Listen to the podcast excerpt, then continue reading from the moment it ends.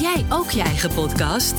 RST Audio en Studio 2 nemen de totale productie uit handen. Van hosting, jingles, vormgeving tot productie.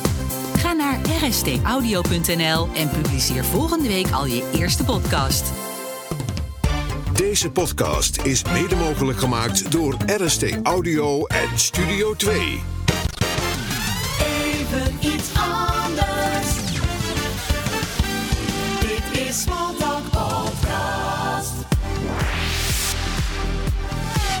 Heb jij een vraag voor Smalltalk? Mail naar podcast@smalltalkradio.nl. In de auto, bus of trein, Smalltalk de podcast. Even iets anders. Geen geklets, maar gesprek. Proef de sfeer, telkens weer. Welkom bij een nieuwe editie van Smalltalk. Smalltalk.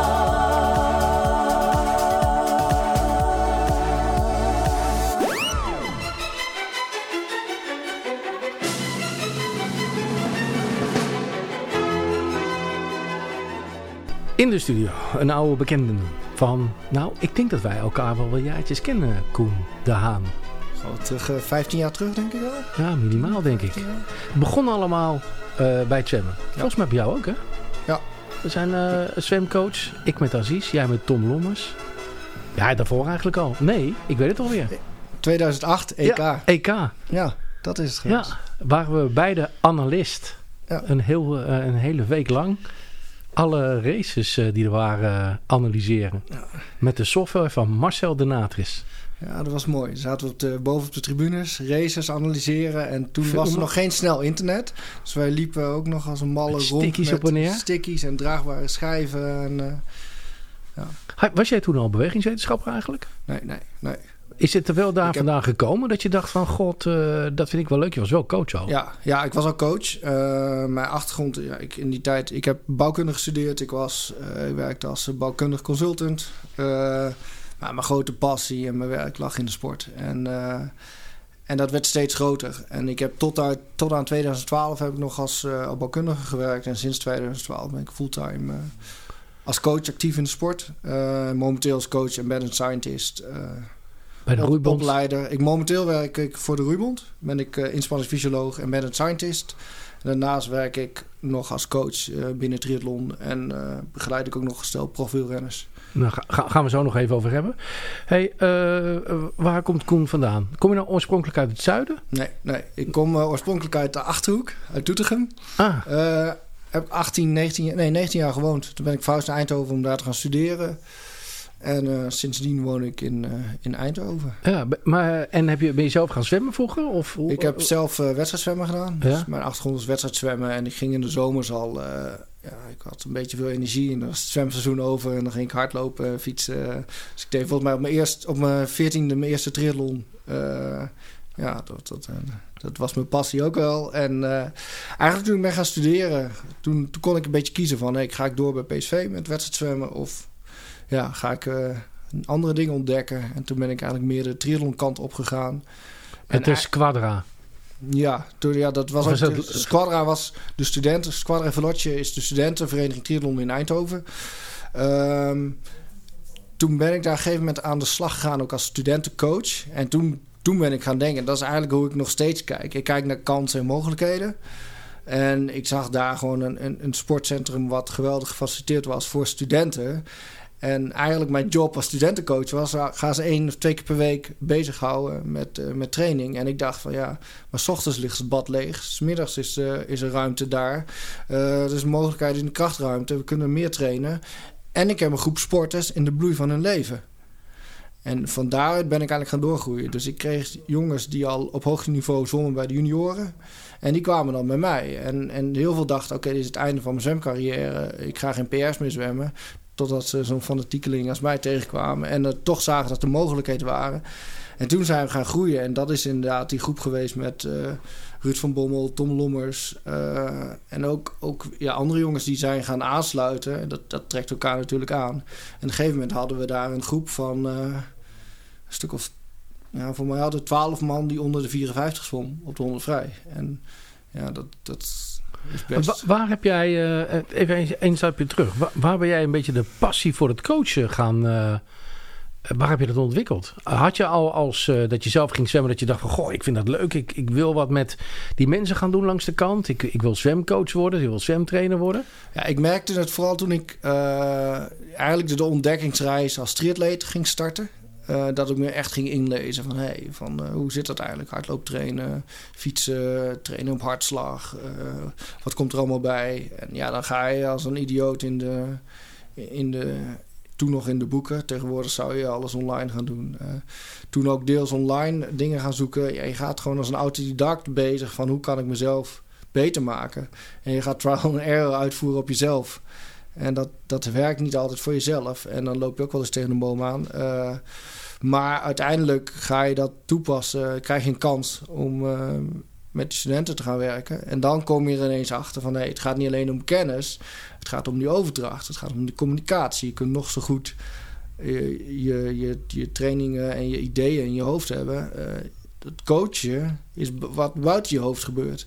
En daar kwam wel die passie om, om anderen beter te maken. En in het begin start je te coachen met mensen die eh, nog minder goed zijn dan jezelf als, als sporter. Op een gegeven moment zit je met sporters op je, op je eigen niveau. En ja, nu, eh, ja, nu werk ik met, met de wereldtop roeier, eh, Nederlands kampioen triathlon.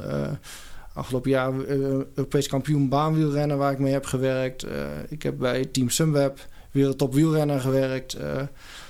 Allemaal mensen die natuurlijk vele malen meer talent hebben dan ik eh, als sporter. Maar waar je als coach wel eh, op zoek gaat dat zij het maximale uit hun carrière gaan halen. Ben jij zelf een, eh, een talentvol coach? Vind, vind je zelf, ik heb wel echt talent voor dat coachen? Is dat te moeilijk om over mezelf, Ja, hè? over mezelf te zeggen? Vind jij ervan? Ja, ik, ik wel. Ja, Ja. als iemand mij vraagt van, goh, wie is, noem eens even een talentcoach in Nederland. Dan sta jij eh, wel eh, eh, in, bij mij bovenaan het lijstje ergens. Ja. Ja. ja, dat is mooi te horen. Ik ja, zou dat altijd aan mijn komt, dat, vragen. dat, maar dat, dat is niet, misschien niet helemaal eerlijk. Mm. Ook omdat wij eigenlijk samen opgegaan, opgegroeid Ja. zijn. Als het gaat over coachen. Dat we dezelfde interesses hebben. Ja. Dus we delen de passie voor data en dan toegepast. Dus niet een getallen gek. Maar ook van hoe ga ik het toepassen op die atleet. En hoe ga ik het gebruiken als instrument. Ja.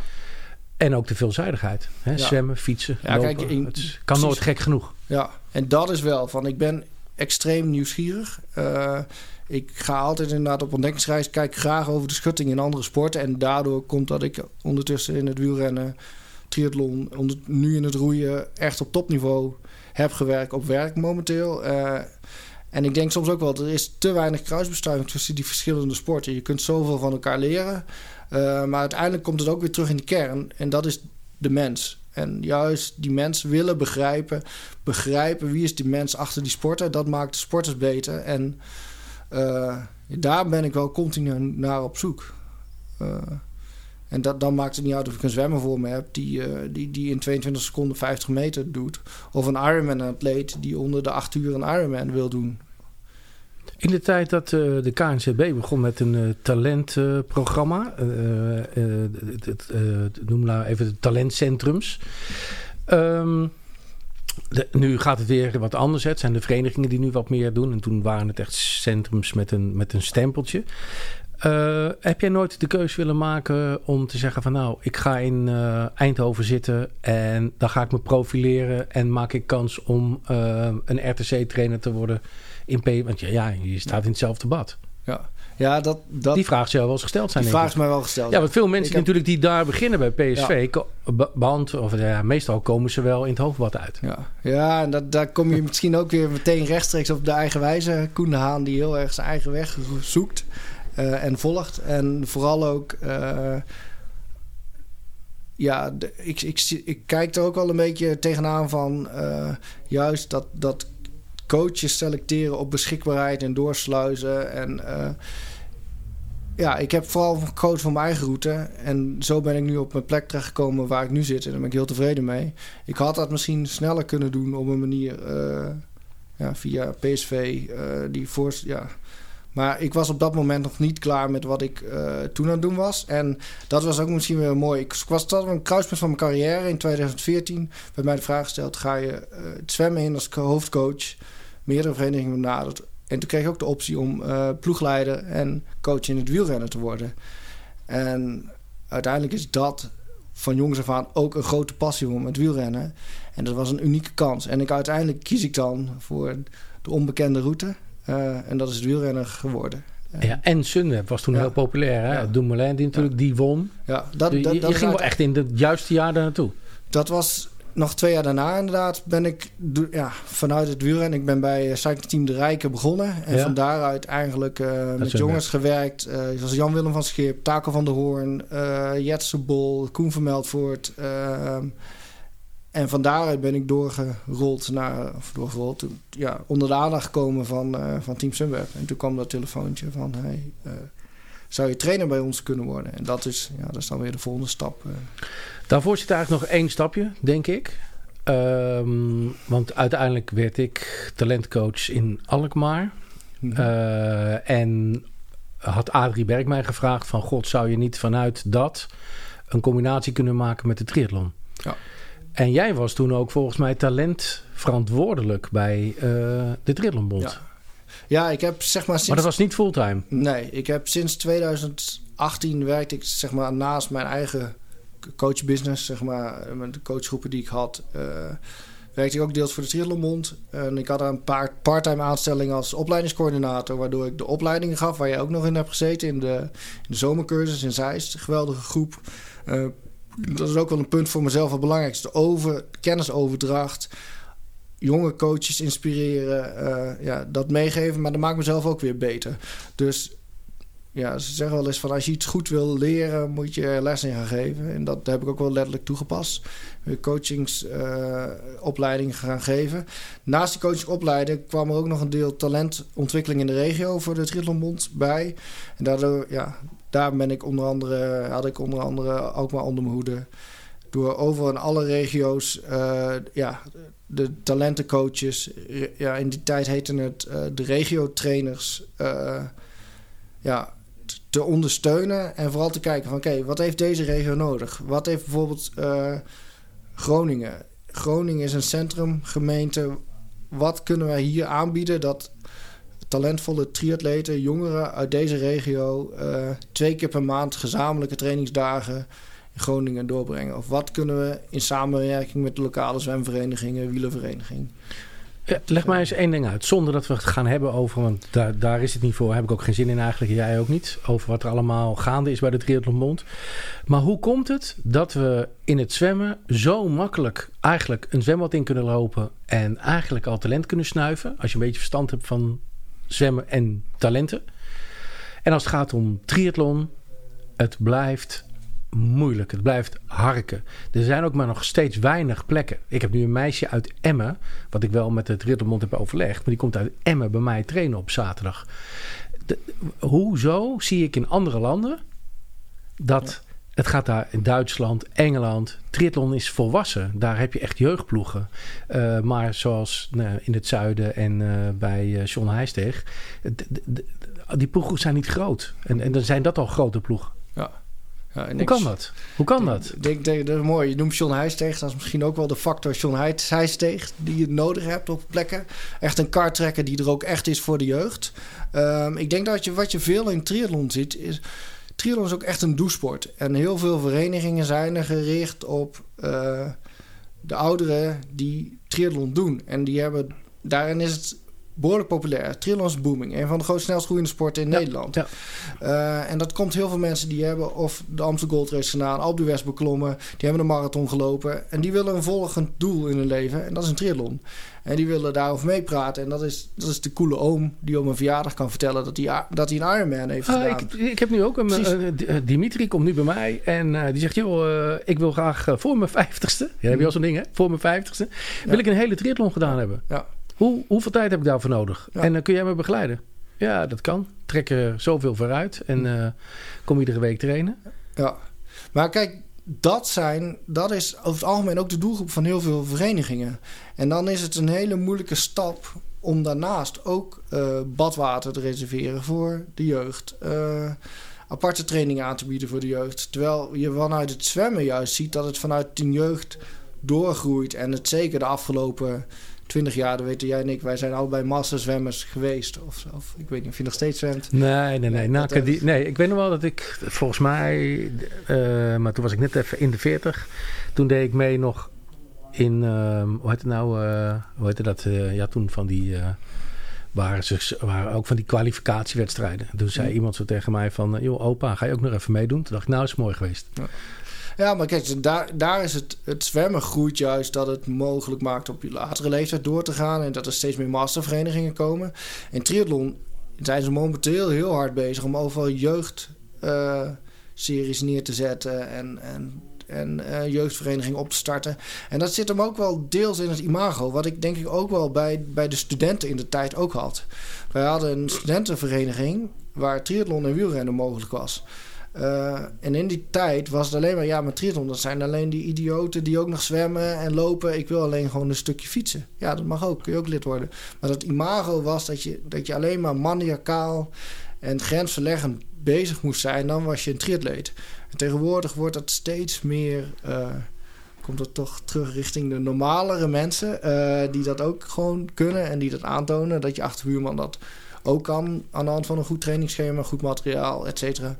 Um, maar het blijft moeilijk hoe het land nu ingericht is qua verenigingen. Die verenigingsstructuur is echt veel meer gericht op 30-plussers dan op, op een jeugdstructuur. En, en daar is de Triathlonbond nu druk bezig om die inhaalslag te maken.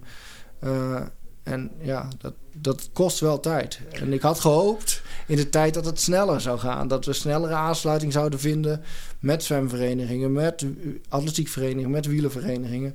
Dat je daar die verbindingen maakt. Maar ja, dat kiest toch vaak. Weet je wat ik een beetje het nadeel vaak vind? Ik ben ook natuurlijk vanuit het zwemmen gekomen. En wat ik lastig vind is dat het werd altijd een beetje als tweede keus gezien. Dus de mensen die uh, aardig konden zwemmen, maar op het Nederlands niveau, dus in NK's niet meer op het podium kwamen, een beetje in de laatste series uh, wel aardig konden zwemmen, die maken dan de overstap naar bijvoorbeeld het open water uh, of uh, de triathlon. waarom? Hè? De, ehm, je had ook al eerder meteen in een eerdere leeftijdscategorie dat erbij kunnen gaan doen. Ik ben wel eens ja. met een van de dingen die Adrie altijd zei. Uh, en Titus uh, Menno bijvoorbeeld ook. Weet je, hoe, als je wat breder bent in de sport, is altijd goed voor ja. je. Ja. ja, dat zie je ook wel, zeg maar ook wel in de literatuur richting talentontwikkeling, dat het steeds meer is. Vroeger ging het veel meer uit van een vroege specialisatie. Uh, echt zo smal mogelijk. Ja. En nu zie je wel echt, zeker tot en met de puberteit, laat ze veel sporten doen en gaan daarna specialiseren. Ja, tenzij je bepaalde sporten zit, zoals, zoals turnen bijvoorbeeld. Maar ook wel zwemmen. Je moet het wel gedaan hebben op jongere leeftijd. Anders ga je daar niet die stap meer maken. Het is wel iets wat lastig is om op latere leeftijd aan te leren. Dus ga vooral op jonge leeftijd zoveel mogelijk doen. En dat geldt ook met hardlopen. Uh, ja, als jij echt 20 jaar alleen met een zwembad hebt gelegen en je gaat dan hardlopen. Uh, grappig is, bijvoorbeeld schoolslagzwemmers zie je het algemeen, die zijn wel reactief en uh, die willen nog wel makkelijker lopen vaak. Uh, maar het is ook niet voor iedereen. Nou, dan ben ik een uitzondering. Oké, okay, ja. schoolslagzwemmers zijn altijd uitzonderingen. Ja, ja. ik hou van mijn mond. maar dat zijn de linksbuitens van het zwemmen ja. voor, de, voor de voetballiefhebbers. Ja. maar nee, maar dat, ik denk dat daar, dat er daar ook wel een deel zit. Juist een algemene ontwikkeling het is gewoon heel goed om op jongere leeftijd meerdere sporten te doen. En van daaruit door te groeien. Uh, en daar past triathlon natuurlijk perfect in. Dat is natuurlijk een, een allround sport. Uh, er zit nog wel een maar aan. En dat zit hem ook wel natuurlijk in... De, voor ouders is het ook niet altijd heel praktisch om inderdaad dan ook en fietsspullen en zwemspullen en hardloopspullen. Ja. Te, je kunt, leeg, uh, je kunt ja. redelijk leeglopen. Ja, ja.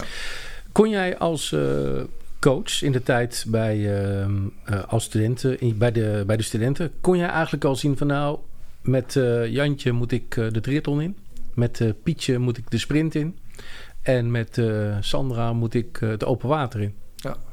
Ja, dat, dat, dat... Had, had je, was je groep groot genoeg om, om zoveel te kunnen bieden? Um, op een gegeven moment zijn we die, wij zijn die stap gaan maken dat we... Natuurlijk, eerst had ik een algemene zwemvereniging of een zwemtraining waar, waar, waar iedereen bij elkaar lag. En toen zijn we het gaan opsplitsen in die, in die topgroep. Uh, en juist daar lieten we gewoon die, de zwemmers, lifesavers en uh, triatleten uh, samen trainen.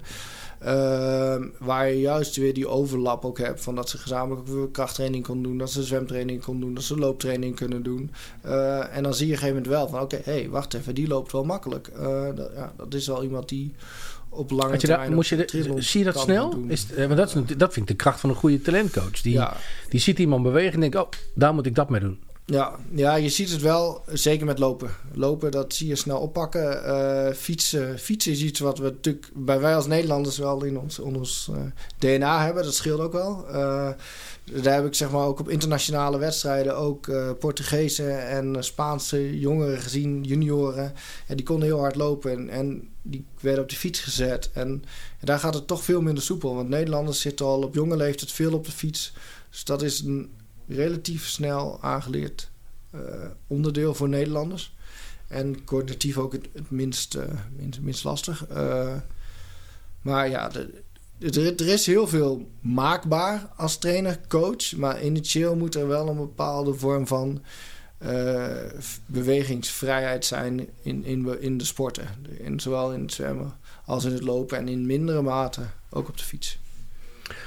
Um, de, waar heb jij uiteindelijk je, want je uh, bouwkunde gedaan? Mm -hmm. uh, hoe, hoe heb jij uh, jezelf nog verbreed in de technologie van de sport? En heb je ook nog bewegingswetenschap gedaan daarnaast? Nee, nee. Ik heb um, vooral heel veel opleidingen naast gedaan. bijscholing gevolgd. Ik heb wel ik ben uh, zwemtrainer, uh, uh, wielertrainer, uh, triathlon-trainer 4. Ik heb de opleiding geschreven voor de Triathlonbond. ik heb uiteindelijk topcoach 5. Dat is eigenlijk de hoogste coachopleiding binnen, binnen Nederland vanuit Team NL. er is, heb ik ook gedaan. Dat, dat is dan eigenlijk op coach op internationaal niveau waar ik uiteindelijk ook Eelco Meenhorst, de huidige bondscoach in het roeien, heb ontmoet. wat misschien ook wel weer toegeleid heeft dat ik nu, uh, nu in het roeien zit. Um, dus ik heb wel heel veel opleidingen gevolgd, uh, opleidingen gegeven. En uh, ja, ik ben een spons qua informatie. Ik, ik ben gewoon op de hoogte van alle nieuwe trends binnen en de nieuwe hypes. En het is soms om in, we gaan daar ook wat muziek doen. Ik heb geen public enemy, maar don't believe the hype is wel een, uh, een goede uitspraak. We hebben heel veel hypes in de sport en het is altijd maar kijken wat, wat blijft hangen. Maar ja, het blijft wel op de hoogte. Het is wel een bewegende wereld waar heel veel dingen in gebeuren. En ik vind het ook wel mooi hoe de filosofie door de jaren heen wel verandert. Sommige dingen blijven gewoon gegoten in beton qua trainingswetten en wetmatigheden die gewoon vaststaan. Daarnaast zie je wel de visie veranderen vanuit het, uh, het periodiseren. Het, wat we net ook weer hadden over talentontwikkeling. Van vroeger was het jong specialiseren. Nu zeggen we juist uh, breed opleiden en een laatste specialisatie in veel sporten. Dus het is wel iets wat. Uh... Het is sowieso wel een soort golfbeweging. Hè? Want ik heb, we hebben een paar jaar gehad waar, waar wij heel, of met Studio 2, Robert en ik, heel actief waren. Was met bijvoorbeeld Sporter Online. Alles werd gemonitord. Nu wordt er bijna niks meer gemonitord. Dus je kijkt weer naar. Er wordt nu veel meer weer naar andere dingen gekeken. Maar langs komt het weer een beetje terug. Je merkte dat uh, uh, ook in een trainingspeak steeds meer ook mentale vragen komen. Ook dat er weer uh, sportpsychologen zijn die onderzoeken gaan doen naar bepaalde structurering.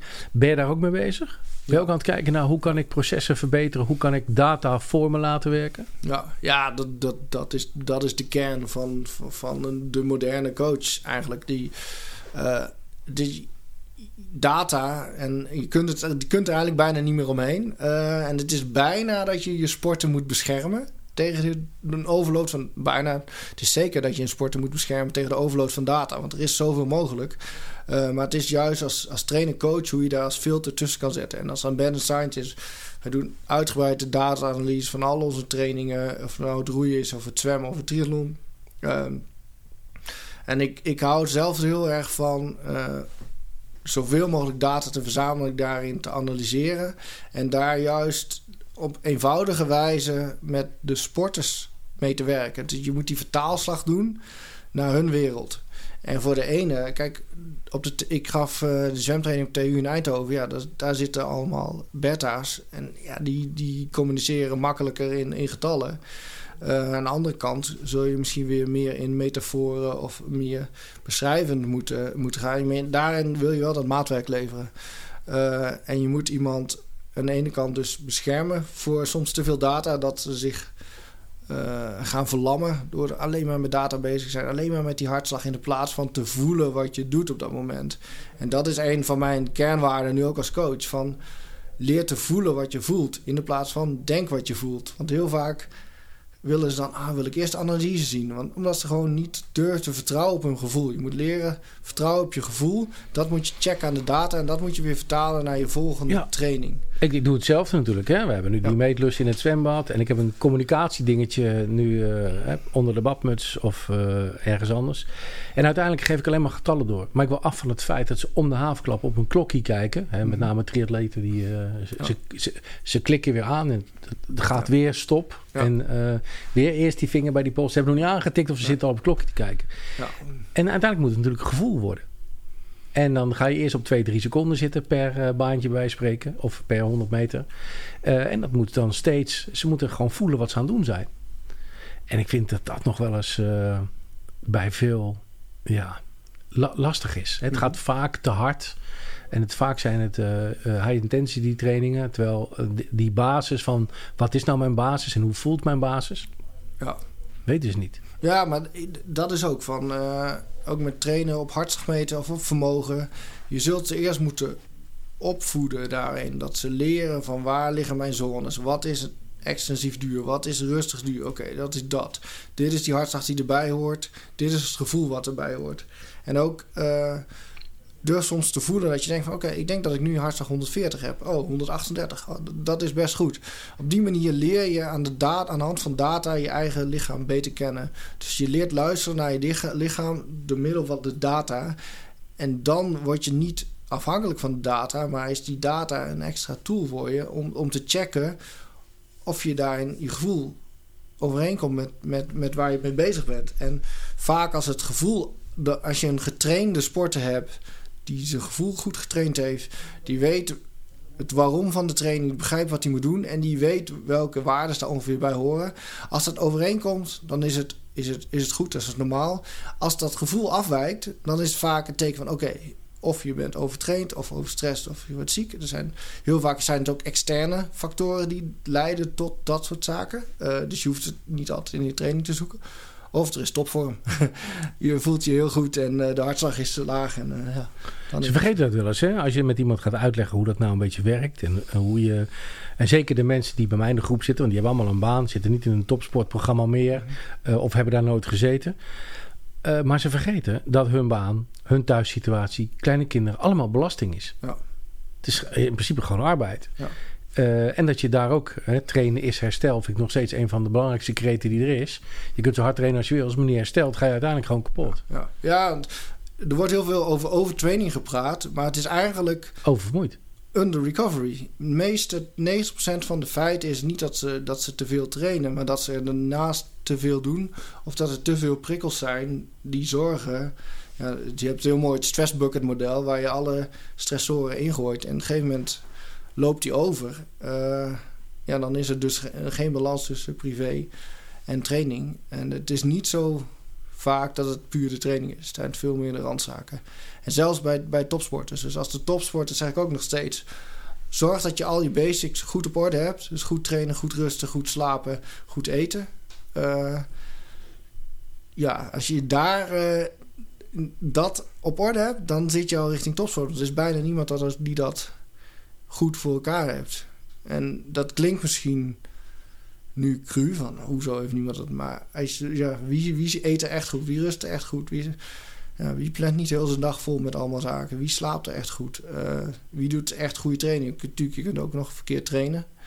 Uh, maar dat, ja, dat, dat totaalplaatje. En daar ben je eigenlijk continu mee bezig. En als het, uh, wat ik ook altijd zeg, als het, als het ergens minder gaat met iemand ga vooral even in je helikopter, coachhelikopter stappen om dat overzicht te pakken van hé, hey, waar komt dit nu vandaan? Want heel vaak wordt er ook gekeken naar oké, dan zal het daar liggen. Er wordt meteen een aanname gedaan. Zelfs met blessures heeft iemand last van zijn knie. Oh, dat is altijd met de knie. Maar kijk naar het grotere plaatje. Oh, er zit misschien iets in de heup niet goed. Zelfs wat jij als zwemtrainer ook weet. Als iemand zwabbert met zijn heupen, dan zit een fout waarschijnlijk met de insteek van de hand. Dat heeft niet met die heup te maken. Dus probeer uit te zoomen totaal in, beeld te krijgen. En soms is het totaal of meestal is het totaal ligt ook buiten de sport en buiten de sport.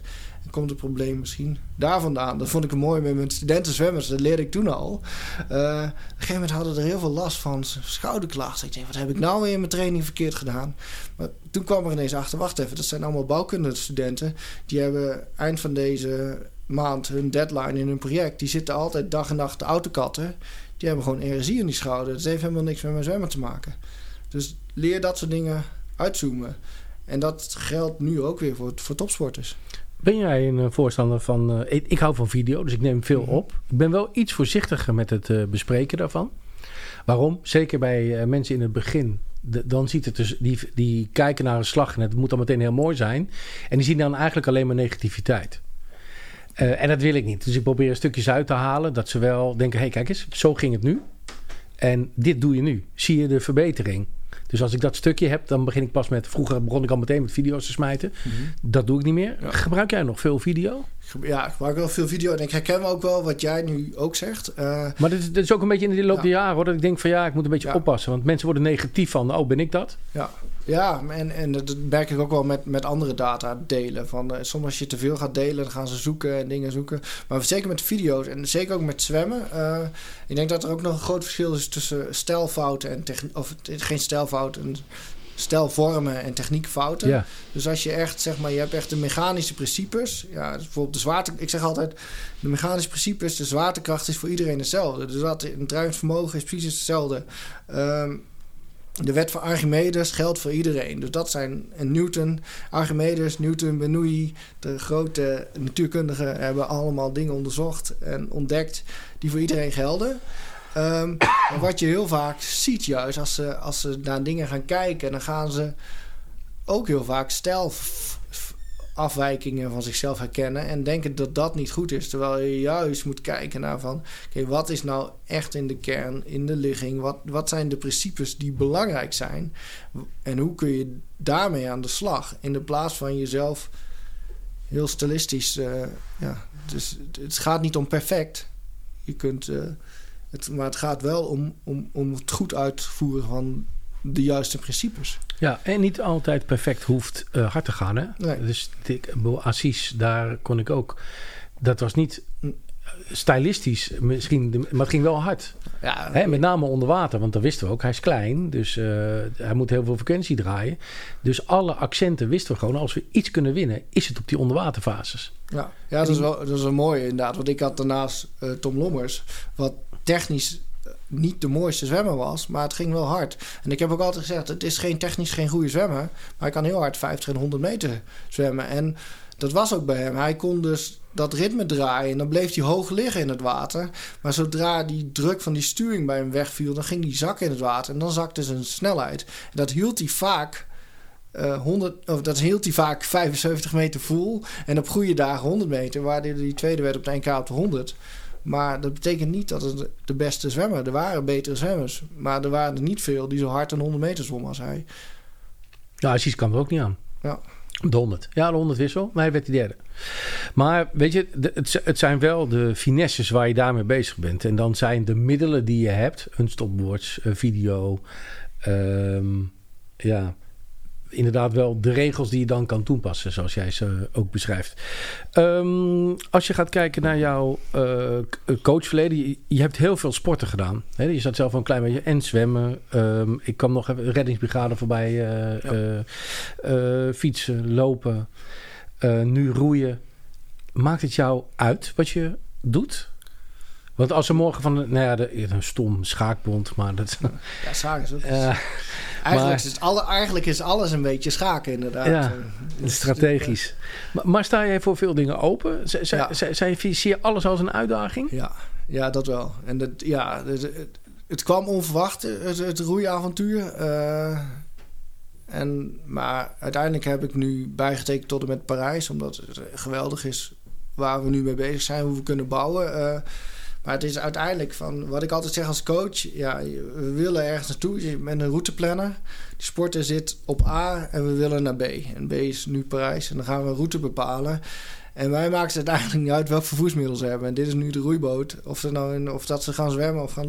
Ik ga kijken, wat zijn de benchmarks? Wat heb je fysiologisch nodig om dat te bereiken? En daarnaast ga je kijken, wat zijn de randvoorwaarden als, als, uh, als sporter, ook mentaal? En ja, wat is alles, alle input die je nodig hebt om dat maximaal te bereiken? En dan is het soms wel eens verfrissend als je iets hebt wat heel erg erop lijkt, maar toch wel net anders is. En dat is zeg maar wat ik, wat ik nu heel erg bij het roeien zie, dat het echt heel erg wielrennen plus zwemmen, gedeelte 2. Het zit met heel veel. Nou, het leuke is, uh, Jabik Bastiaan zit natuurlijk ook een collega ja, van jou, vroeger wielrennen.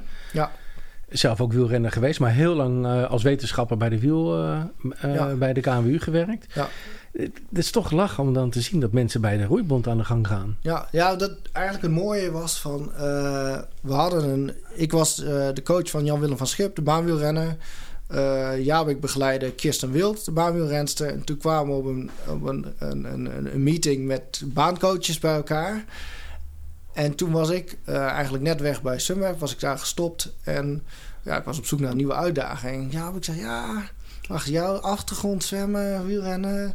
We kwamen aan het praten en we kenden elkaar wel een beetje, maar nog niet heel goed. Uh, ondertussen kennen we elkaar door en door. Toen kwamen we daarbij uit van, hé, hey, is dat niet iets? Toen zijn we die gesprekken aangegaan. En uh, ja, nu is... Ik moet opeens denken, ik heb van hem Golden Cheetah geleerd. Ja, ja precies. Het is gewoon, uh, dat was zijn tool open source. Uh, ja, open source vermogenstool. Nou, je kan er veel meer mee, maar ja. het, is, het is wel complex. Je moet wel ja. een beetje uh, verstand hebben van, van tweaken, om het zo maar te zeggen. Dat, hey, maar dat vind ik wel interessant. Um, it, it, zie jij nog, denk je, stap je er gewoon zo in? Kon je, kon je heel makkelijk met dat, weet je, zwemmen en roeien hebben één ding gemeen? Mm -hmm. Slagfrequentie. Ja, ja maar dat, dat is dus een grappige. Dit is heel veel mensen. Nee, maar, ja, maar dat is dus het, het, wat het gemeen is, is dat, dat, dat je maakt. In roeien maak je halen, in zwemmen maak je slagen. Dus het is eigenlijk de communicatie. En in roeien wordt slagfrequentie tempo genoemd. En ik heb nog heel erg de neiging om over slagfrequentie te praten. Maar we hebben eigenlijk uh, de Nielsen Kellerman horloges. Staat iedereen ook ik mee in roeien. Ik hem ook. En ik zeg, ja, als zwemcoach had ik er ook drie om mijn nek hangen. Ja. Dat is de original tool die je hebt. En die hebben al die roeiers ook. En ze zeggen, hey, ben je voorbereid op ons? Heb je? Ik zeg, nee, die heb ik gewoon weer uit mijn zwemtas gehaald. Want die, die, die had ik al. Ik een batterijtje vervangen en uh, ga er weer aan de slag. En dat twee is batterijtjes. Het. Ja, ja, twee batterijtjes. Ja. Ik heb hem ooit een keer, ik weet dat Fedor zat. En toen dacht ik, ja, die moet ik ook. Ik ben nooit meer afgestapt. Nee, ik ook niet. Voor mij Als de je stopwatch. eenmaal bent, want Ja. heel, ja. En dat is gewoon goede hardware. Die moet je, het is de basis van het, uh, het leven als coach, is een goede stopwatch. Ja, daarna komt de rest. nou ja, het liefst zeg ik nu dat we Ja. van de stopwatches af moeten. Hè? Ja, oké. Ja, ja, de- Ik snap dat, jij dat zegt. Ja, ja. nou, maar, nou, maar laten we het daar eens over Mhm. hebben. Wat, eh, hoe vind jij dat... ehm, eh, als je nou gaat kijken naar sport is heel innovatief. We, meten van alles. We hebben nog net geen chip in onze eh, pols zitten om, eh, of in onze bovenarm om dingen te meten. Eh, vermogen, dingen, maar toch staan we nog steeds met een stopwatch. En blijft het toch, voor de, zeker voor de oude garde, Ja. lastig om tijden te automatiseren. Ja, ja ik, ik vind dat wel een mooi voorbeeld. Eigenlijk wat ik in het zwemmen al deed. Want ik, ik had altijd een klein groepje. En natuurlijk veel andere coaches hadden... Ja, of verenigingen hadden er meerdere coaches en zo. En ik kon altijd... Je kunt, je kunt maar één ding tegelijk doen. Dus je moet altijd keuzes maken. En dat is ook in de topsport. Je moet ja, keuzes maken. Een goede topsporter, een goede coach leert keuzes maken. Als je geen keuze maakt, dan wordt het sowieso niks. Ehm, maar met zwemwedstrijden kon ik kiezen tussen de stopwatch en de video. En ik kies altijd voor de video. Dus ik zocht altijd een videoplek dat ik opnames kon maken. Want die tijden die komen allemaal uit, de- uit de software. Komen ook uit de video, Dus ik hoef ja. niet ter plekke te, te klokken. En ik hoef geen tussentijden te klokken. En ik kan alle tussentijden uit mijn video halen. Ik krijg de tussentijden die, die, die de, de timingborden hebben. Dat is heel snel geregeld in het zwembad. Dat is allemaal duidelijk. Ik kan mijn slagfrequentie uit mijn video halen. Dus een video geeft heel veel informatie. En dat is eigenlijk wat we nu nog steeds ook doen met roeien. Als je, zodra je iemand filmt en aan de hand van videoopnames kun je zoveel meer terughalen. Ook, ook alle timingpunten. Maar als je, nou, als je het, wa- want we hadden het even eh, te- aan de telefoon een paar weken geleden over, eh, over timen Mhm. eh, in, eh, in een boot. Ja. Ehm, overigens moet ik van MyLabs nog antwoord krijgen, maar daar kunnen we het straks even over hebben. Ehm, maar als je zo'n mannen acht wil analyseren, Mhm. zitten er acht mannen in een boot Ja. met eh roeispanen in hun handen. Ja. Of hoe dat over riemen, hoe heet het? Riemen. eh, riemen, dat ik het even netjes zeg. Daar kun je van ieder wel wat van vinden. Ja, ik zit te denken van meteen met mijn eh, eh, innovatieve hoofd. Mhm. Van eh, doe een sensor op die Ja. riem. maar ko- kom maar een keer langs, dan zal ik je laten zien. Want we hebben Peach software en Ja? ja? dat ga jij geweldig vinden. Die zitten in de, in, de, in de dols, dus zeg maar waar de riemen in zitten. Ja? En die meten aan de ene kant het vermogen, maar die meten ook de hoek. En dan heb je een. een je, hebt eigenlijk een, een grafiek van hoe de roeihaal per roeier is. En de timing daarvan. En die kun je dus weer over elkaar heen leggen. Waarbij je kan kijken van oké, waar zit het, wie heeft waar het vermogen in de haal? Heeft hij hem voorin, heeft hij hem achterin? Eh, heeft hij een constante stuwing? Oh, die zit misschien net te vroeg, die zit te laat. En daar kun je weer op, op coachen. En dat zijn eigenlijk allemaal zaken die je op het oog niet altijd kan zien. Eh, wa- iets wat op het oog perfect kan lijken. Maar ja, er is niemand die, die, die, die de, de supersonische eh, slow motion ogen heeft. Dus je gaat er heel snel denken, hey, dat ziet er heel mooi uit. Maar mooi hoeft niet altijd te zijn dat het Effectief is. effectief is. En Ja. wat we, zeg maar, de, de filosofie van een snelle roeiboot is... We zeggen altijd, je gaat met vier man een tafel optillen. Hoe zwaar die tafel ook is. Het is het makkelijkst als je het allemaal tegelijk tilt. Want altijd, anders is er altijd iemand die net te vroeg is. Die is iets zwaarder en dan maakt het zwaar voor iedereen. Dus je die timing met vier man allemaal op een poot staat... en allemaal tegelijk omhoog tilt...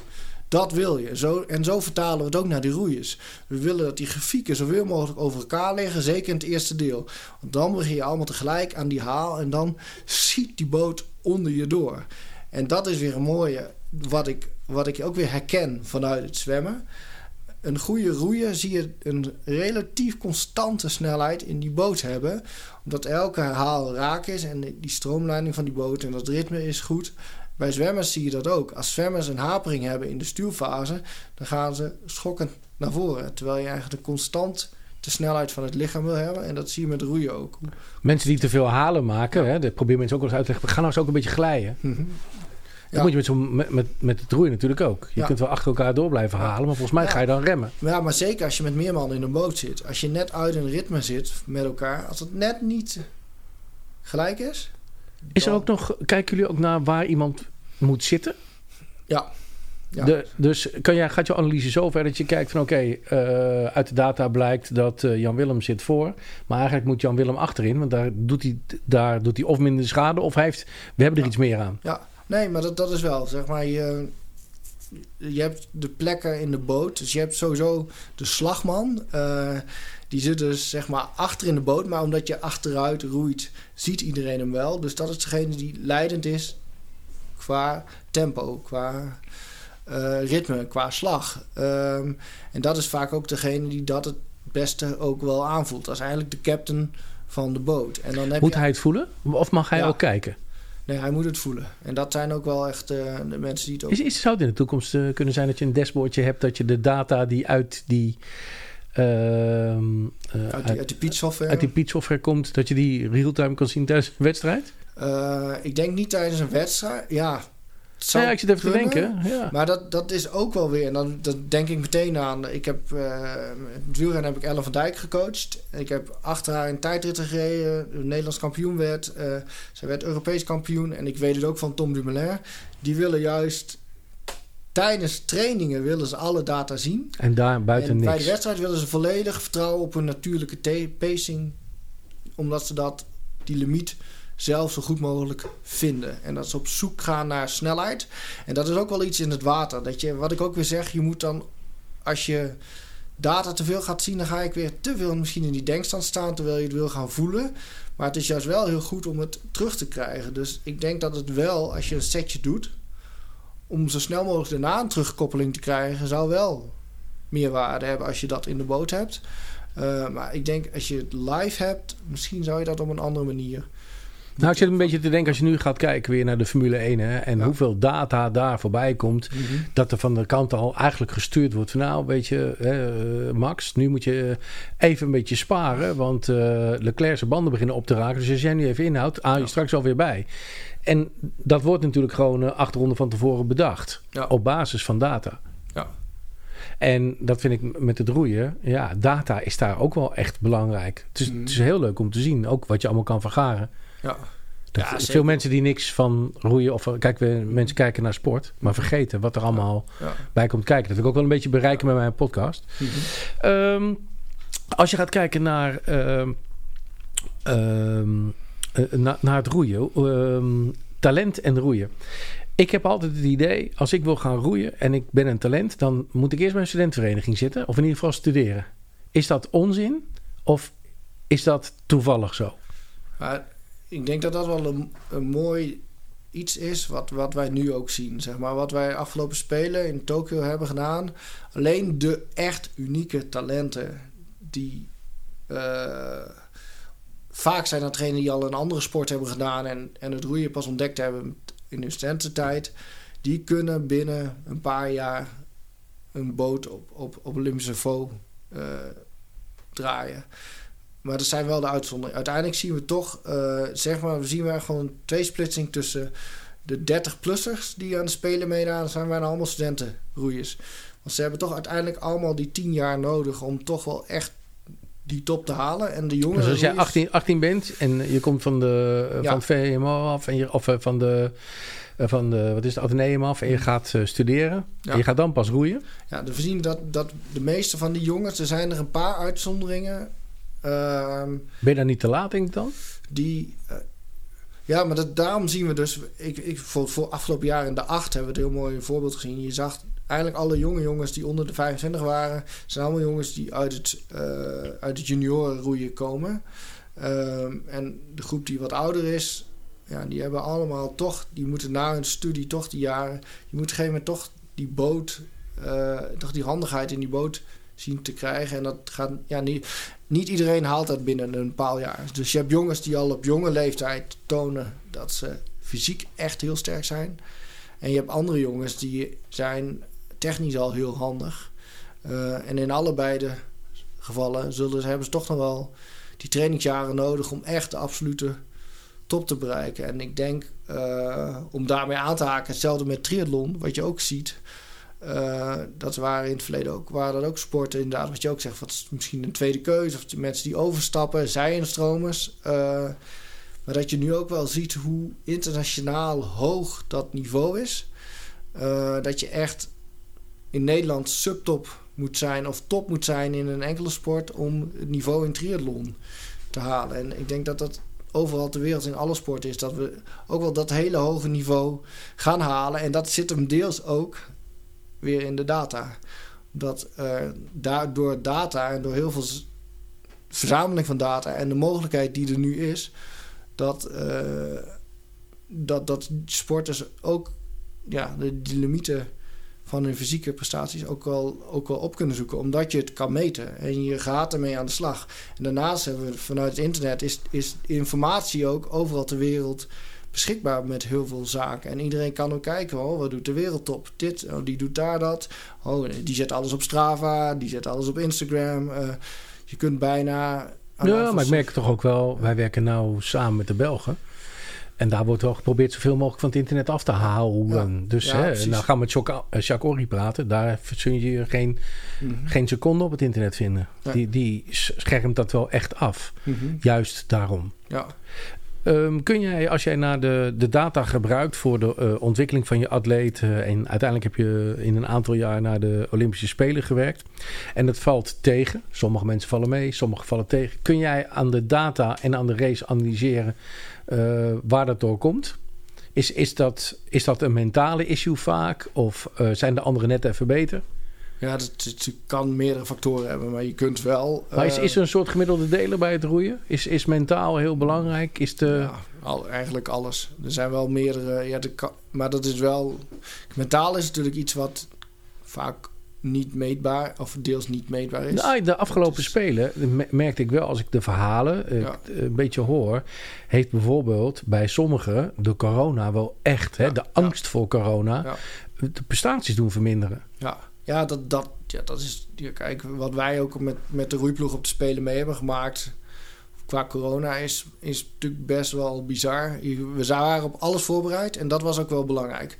We waren sporttechnisch waren we klaar. We wisten, en de autonomie lag bij die sporters. Uh, maar we hadden nooit verwacht dat we dat zo erg nodig hadden. Uh, doordat ja, de helft van onze staf was of positief, zat in het corona-hotel. En de andere helft was een close contact. Dus het grootste deel van die roeiers, uh, of de roeiers, die, die, die moesten grotendeels hun eigen plan ook trekken. Maar dat was van tevoren was alles daarin duidelijk. Maar wat daarin wel lastig is, uh, je hebt uiteindelijk wel die soft skills wil je wel gebruiken om het gerust te stellen. En dat kunnen ze deels onderling. Uh, maar ook het feit dat ze zelf de angst hadden om ook tegen een positieve test op te lopen. Ja, dat, dat, dat zijn dingen die je. Je, je moet, moet dat accepteren dat het er is, maar dat is natuurlijk niet heel makkelijk. Klinkt heel simpel, maar het is niet zo eenvoudig om tegen iemand te zeggen: van ja, de, de, uh, accept the acceptables. En, uh.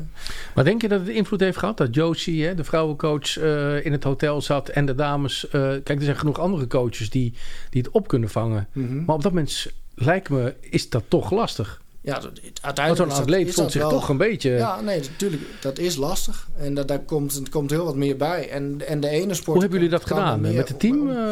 ja, we hebben sowieso heel snel geschakeld met. met met de begeleidingsstaf. En da daar ook groot respect voor onze teammanager en technisch directeur.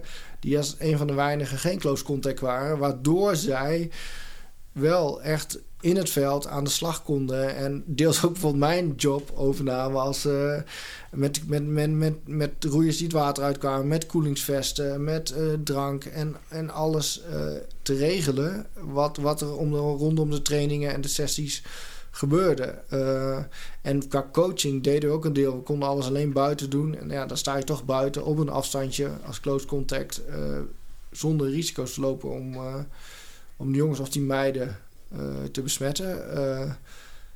maar het is natuurlijk niet de ideale situatie. Maar je ontdekt wel dat je daardoor, doordat je heel veel dingen, scenario's vooraf hebt besproken, dat je ze eigenlijk robuust of misschien wel antifragiel hebt gemaakt om, om op dat moment het ook te kunnen zonder coach. En dat is ook wel iets wat bijvoorbeeld Josie ook heeft gezegd. Van, uiteindelijk zit mijn werk erop op te spelen en nu mogen ze hier laten zien. Uh, toch denk ik wel. Toch is dat moeilijk. Ja, want ik denk wel dat een van de pijlers en het, van het vertrouwen is die coach die daar staat. Mm -hmm. ja.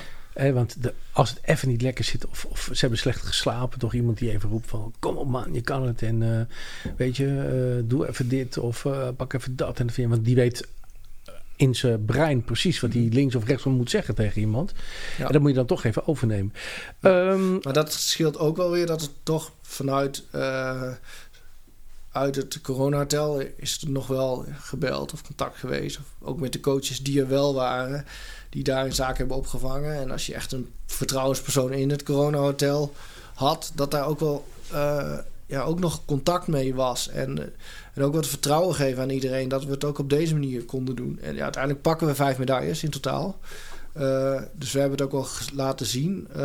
was er ook meer, als, je, als jij zegt van.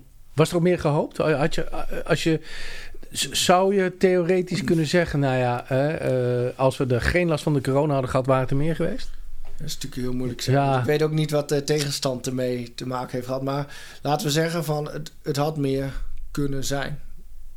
Uh, of, of meer goud of meer. Maar ja, uiteindelijk moeten we. Ja, we hebben het is zoals het is, gepresteerd. Ja, en dat, en dat is, dat is natuurlijk ook sport. In die, die situaties presteren en omgaan met de omstandigheden die er zijn. En corona zijn extra omstandigheden. En binnen die omstandigheden ja, zijn we tot, tot vijf medailles gekomen. En ja, dat, ja. Weet je, ik, ik roep altijd, weet je, uh, de weg naar de Olympische Spelen en daar komen is al één. En dan ben je al 0,01 promiel van. Maar dan nog een medaille winnen is nog even een andere. Want je hebt ook een alle op de Spelen kan van alles gebeuren. En dat vergeten mensen wel eens. Er, komen ja. mensen opstaan die we nog, waar we nog nooit van gehoord hebben, die de gekste dingen doen. Dan praat ik even over zwemmen. Mm -hmm. Nee, maar en dat zie ik ook wel. Met, ik vind een mooi voorbeeld wat onze technisch directeur uh, Hessel altijd mooi zegt. Die heeft zijn achtergrond komt in, in het zeilen. En die zegt ook in het roeien. Hij zegt van, ga ervan uit dat jouw zwakke punt, dat je je daarop zult moeten bewijzen op de Olympische Spelen. Ze zullen, zeg maar, als jij een zeiler bent die goed is bij veel wind, ga ervan uit, de helft van je races zul je geen wind hebben op te spelen. Ook daar moet je scoren. Als je een roeier bent die goed is op vlak water, let op. Je gaat golven krijgen. En ja, wees voorbereid op alles. Ook op je, misschien je zwakke scenario of je zwakke, zwakke punten. Die worden blootgelegd in de spelen. En wie daar het beste mee omgaat. En die ook op, op moment kan switchen en het beste uit de omstandigheden kan halen die komen boven in de spelen. En dat, dat zit hem deels in je voorbereiding, zowel mentaal als, als fysiek, hoe je daarmee omgaat. En dat is in de spelen, is, gaat alles zo extra in zo'n snelkooppan. En dat heb ik nu ook wel gemerkt, zeg maar. Zeker in de sport als roeien, want daar draait het gewoon echt om die spelen. Ik, we zaten ook met, ik spreek dan ook de wielrenners en die, die vliegen een week of een paar dagen later alweer terug naar huis. En een, een, week daarna rijden ze alweer een koers. En ja, dan heb je je spelen, heb je het misschien niet gehaald. En dan kun je, heb je weer een koers daarna. En je hebt 50 koersdagen om een jaar. En die roeiers hebben vier, drie, vier toernooien om een jaar waar het in moet gebeuren. Dat maakt ook de mentale component een stuk groter. En dat is ook weer iets waar we nu wel weer mee bezig zijn voor de toekomst. Om dat nog beter voor te bereiden. Onze les uit Tokio gaan ook weer naar Parijs. En er zullen weer andere zaken zijn die van belang zijn. Als je gaat kijken naar uh, Koen, de coach. Ehm, wat zijn nou echt jouw sterke kanten? Wat zeg je nou, weet je, daar kun je mij kwalificeren. Dit, hier ben ik goed, hier uh, hoef ik niet over na te denken, dat gaat vanzelf. En zo herkennen mensen mij ook. Ja, ik denk juist heel veel die, die zaken die, en dat, dat probeer ik ook jongere coaches op te leiden, ook met mijn sporters. Heel veel van die zaken die juist overal tussen liggen. Dus zeg maar, het is, het is niet coaching, het is niet training. Het zijn die de verbanden leggen, het herkennen van uh, patronen. Het, het, aan de ene kant herkennen van patronen in nieuwe data, maar ook het herkennen van patronen, hoe mensen reageren, hoe mensen in hun vel zitten, maar ook hoe ze bewegen, het, het observeren. Uh, dus ik zeg heel vaak van, het, je moet niet alleen kijken, probeer ook te zien. Uh, je moet niet, niet te veel zoeken, maar probeer ook te vinden. En, en kleine dingen die leiden tot, tot soms ja, dat je iets herkent en denkt: hé, hey, daar zit iets groters achter. Uh, en uiteindelijk vooral die, die, die, en dat werk ik door de jaren heen, die basics moeten zo goed mogelijk zijn. En breng ze daarna terug. Laat ze niet verzanden in die details. En detail is vaak een onderdeel van iets groters. En ik denk dat dat is, dat is wel mijn kracht. Of het nou mentaal of fysiek is. Het bij elkaar brengen van een voedingsplan met een trainingsschema en een coachschema. En, je bent natuurlijk heel divers. Ja, dat, dat is uiteindelijk de kracht. Denk jij dat, uh, dat er coaches zijn die speciaal echt heel goed mannen kunnen coachen? En dat er coaches zijn die heel goed vrouwen kunnen coachen? Dat er trainers zijn die, uh, of coaches die uh, een hele goede trainer zijn, maar mindere coach? Ik vind mezelf een mindere trainer en een betere coach. Ik denk, hè, dus dat, dat, ik denk dat je hebt daar altijd wel wat mixjes. Denk jij, hoe, hoe zie jij daarin? Ja, dat denk ik zeker wel. Sommige mensen zijn inderdaad gewoon inhoudelijk, voor trainingstechnisch, gewoon heel erg goed. En die zijn net wat minder in die vertaalslag naar, uh, naar de, de sporter. En je hebt juist weer andere mensen die, die weer minder goed zijn in dat uitwerken of het doordenken van de, van de plannen. Uh, maar die wel heel goed zo'n boodschap kunnen brengen. En die echt die sporten door en door begrijpen. En dat, ik, daar zitten we ook weer met wat je zegt, mannen en vrouwen. Uh, je hebt de coaches, deels natuurlijk ook die heel veel al in het vrouwen. In vrouwensporten werken, waardoor ze ook wel meer ervaring hebben met, met, met vrouwensporten. Uh, sommige coaches kunnen inderdaad, mannen en vrouwen, is, is, is, heel makkelijk. Maar het is soms ook wel je goed bij voelt. En uh, de vertrouwensband die je opbouwt met je sporter, dat zit hem soms ook wel dichter bij je eigen geslacht, dat het wel makker, makkelijker gaat. Uh, maar je moet ook gewoon open en durven communiceren met mensen hoe sommige zaken gaan. En zeker met, met vrouwen uh, is dat denk ik wel belangrijk. Nog nog belangrijker dan mijn man. Sommige zaken zijn nog belangrijker. Nou, ga met, met ga met een vrouw praten over gewicht. Ja. Het is een dingetje. Of Hans, dan moet je wel. Nee, maar dat is moet, moet je wel op een eh, verstandige manier mee omgaan. Ja, maar dat, dat is ook... Daarom zeg ik ook altijd van de, de basis in coaching en training... je moet eerst dat klimaat... Er moet een cultuur ontstaan en van daaruit moet een vertrouwensband ontstaan en van daaruit ga je verder.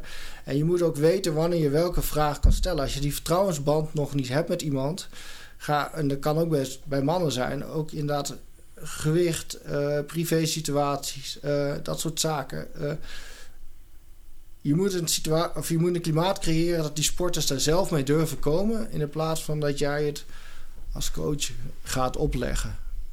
Een sporter komt naar jou omdat jij zorgt dat, dat het klimaat veilig is. Dat jij zorgt dat je open staat voor waar zij mee komen zonder direct een mening, een aanname. Of.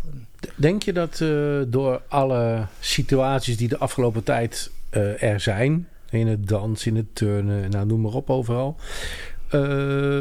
dat het coachingsvak een beetje gaat veranderen?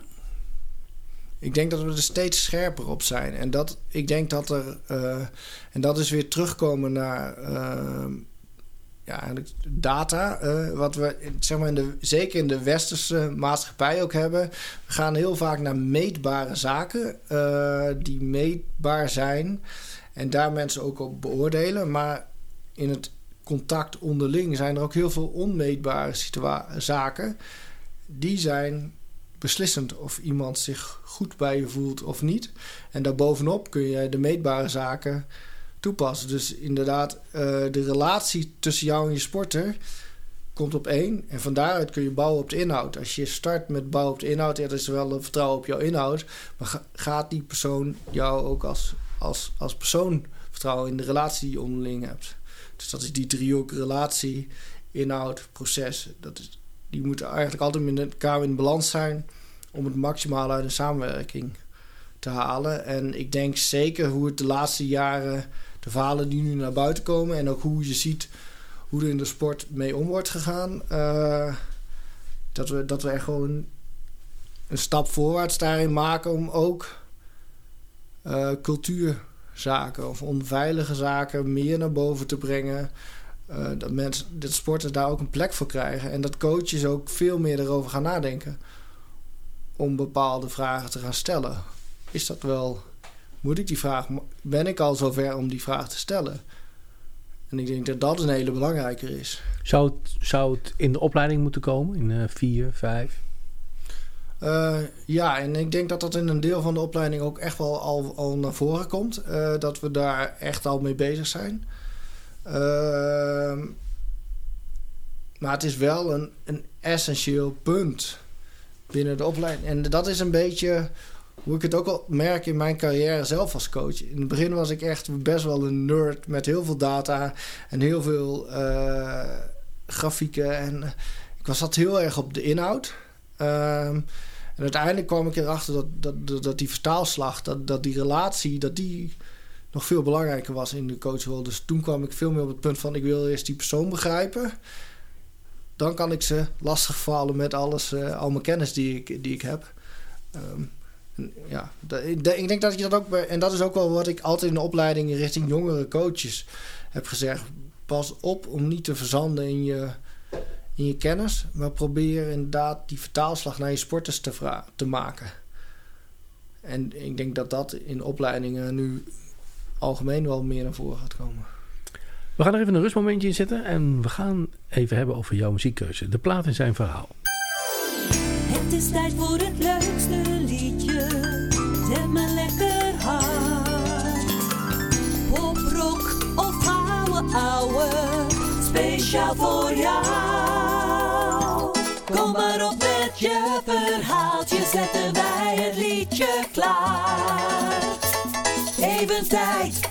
Wat anders.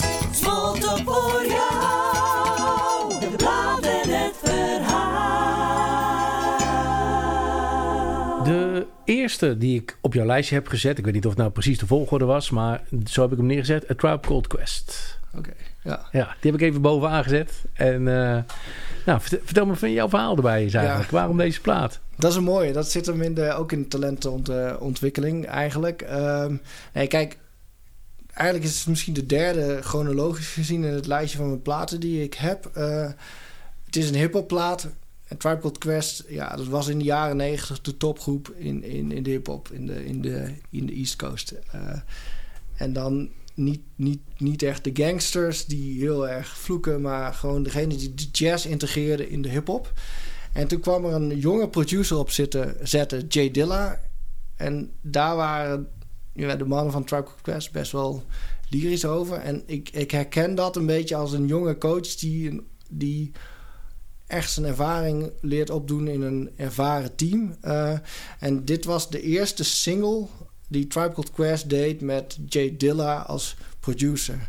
En uiteindelijk wordt nu Jay Dilla als een van de allergrootste producers op de achtergrond gezien, die, die heel erg bepalend is voor uh, de swingende beat die hij maakt. En juist ook mooi weer, als we teruggaan naar data en gevoel. Uh, hij was een van de eerste die ook met samples werkte en uh, dus met de MPC samplen en juist zelf die ritmes maakte.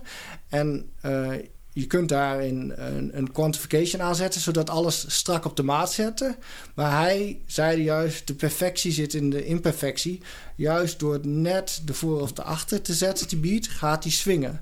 En dat is wat hij geïntroduceerd heeft in, in heel de muziek in de tijd. Uh, dus ja, en dat is ook wat ik, wat ik nog steeds ook in de sport vind. Je moet daar op zoek naar die puurheid, dat het gaat swingen. En die puurheid zit hem niet altijd op die exacte hartslag of de exacte wattage. Maar dat is wat je erin geeft in je effort. En dat, vandaar dat ik uh, Tribe Quest en Jay Dilla heb, uh, yeah, heb genoemd. Aha. Yeah, y'all. You're on point five. Once again, tip. You're yeah, on point five. Once again, tip. You're on point five.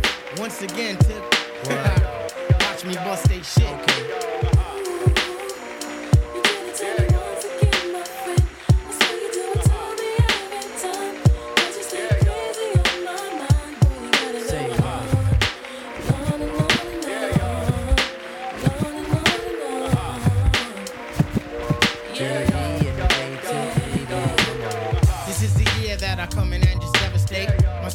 Great action peoples can I dominate. My rhymes are harder than last night's erection. Don't blame it close. I have this mic up in your midsection. My shit is love, simply meaning that my joint is tight. Amping up the mic, making sure production's tight. Sometimes I might catch a severe case of writer's block, but by the end of the day, you'll be on my job. Real name's Malik, my hobby's putting MC to the test. And if you front, I put my foot up freaking chest. Freestyle fanatic, and never will it ever stop. Your crew is his. You might just wanna call the hey, yo, I gotta put some action on paper. Make sure my verse jump up and spread out like the raper. The only tip I got for a waiter is watch the doorknob hit me where the dirty dog should have bit me. That was my train of thought, but for so long I fought. Now I'm at a level supreme to the devil. So turn up the bass and lay low on the treble. We be the Willie kids and you dead with the shovel. Revitalize, revitalize, nigga. The ladies sweat the style like the squirrels sweat the nuts. You know what fella's good for the moolah. Don't smoke no rulers. We the men call me Slick Tip the ruler.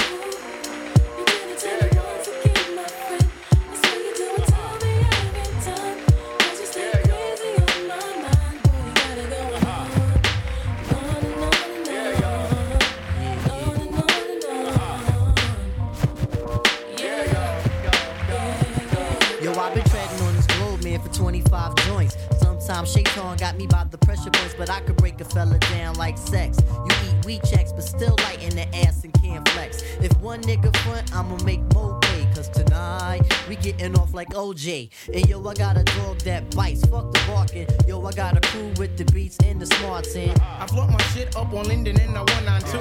Forever writing, ever biting, ain't shit else to do. Hoping to battle, but most MCs ain't ready yet. But if they utter one word, then this is good as set. You have MCs dropping bombs, that's incredible. Some other brothers, their styles are just despicable. As for me, see, I just do how I love to do.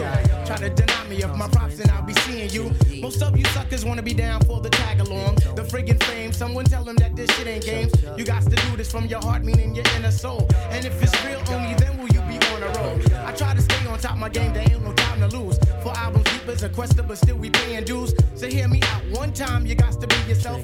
Cause if you ain't yourself, you end up by your friggin' self. I'm coming rugged with the Linden Bully type of slang. And yo, we'll see who can hang. Yo, you're on point tip. You're once again fight. You're on point tip. You're once again fight. You're on point tip. You're once again fight. Yeah, yo. Hey, yo, that kid is nice.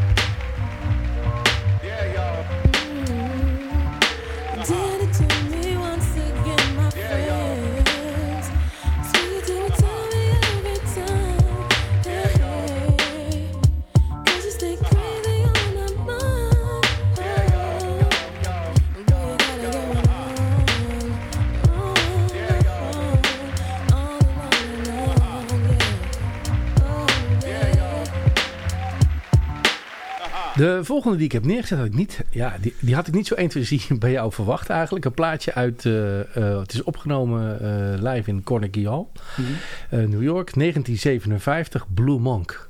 Ja, ja dat is... is ja, het leuke vind ik, en dat is misschien even ertussendoor. Ik heb best al wat mensen gehad, nu anderhalf jaar lang dat ik die plaat in zwaar in mijn podcast heb. Nog nooit hetzelfde. En ook bij de meeste mensen kan ik het niet voorspellen. Nee, ja. Dit, dit is uh, ja, Blue Monk. Dat zijn uh, Thelonious Monk en John Coltrane. Dat zijn twee van de allergrootste jazzlegendes uh, samen. En zeker nu ze hier live komen. Dat was ook weer een jonge Coltrane... die bij zijn mentor Monk speelde... en tot volledige bloei kwam. Het mooie is ook... ze hebben een paar maanden daarvoor het studioalbum opgenomen. Dat was goed. Maar dit is het live versie. Dit is echt ja, outstanding. En dat zit hem ook weer in. Uh, ja, ik vind het mooie bij, bij de jazz. Dat heb ik de laatste jaren wel ook wel ontdekt. Ook als werkmuziek voor mezelf op de achtergrond. Maar het mooie met jazz is, dus die mannen weten allemaal alles qua. Uh, hun database zit vol met muziektheorie en toonhoogtes en toonschalen en alles. Maar op het moment dat ze spelen, zitten ze in het moment en gooien ze eruit wat ze met elkaar doen. Dus die vibe in een jazzband, die, het improviseren aan een vast thema. Dus zeg maar de deliberate play, wat we in de topsport ook zeggen, van dat je je laat ze samen spelen binnen met een bepaald doel. Uh, dat, is die, ja, dat is wat in de jazz echt wel heel erg mooi naar voren komt. Uh, en daar zit nog een persoonlijk tintje aan deze plaat. Uh, ik trainde Leonard Kemna in de tijd bij Team Sunweb. En die zat op de longlist voor de Tour de France. En we wisten niet zeker of hij de Tour zou rijden. En toen uh, werd mij gevraagd van... ja, ga nu het beste plan maken voor Leonard voor de komende drie maanden. We gingen niet mee op de hoogste stage, want hij zat niet binnen de topgroep. Maar als hij goed was en er vielen misschien wat uit... kon hij de kans maken om, om de Tour te doen. En toen heb ik me echt een dag opgesloten met Thelonious Monk. Alleen maar Thelonious Monk gedraaid. En... Uh, en mijn, ja, mijn hard-out geschreven qua schema voor Lennart. En uiteindelijk, ook, ook met Lennart hadden we ook echt het doel om die Tour te halen. En hij kwam aan een moeilijke periode en hij heeft, heeft zich echt opgebeurd. En ja, hij, hij reed toen in de Ronde van Zwitserland al bizarre wattages die echt outstanding waren. En uiteindelijk reed hij twee keer top 10 in de Tour in de bergetappen. Dus het is voor mij ook wel een... Ja, ik kan bijna geen monk meer horen zonder, met, uh, zonder aan Lennart en dat traject te denken. Dus ook een persoonlijke tint.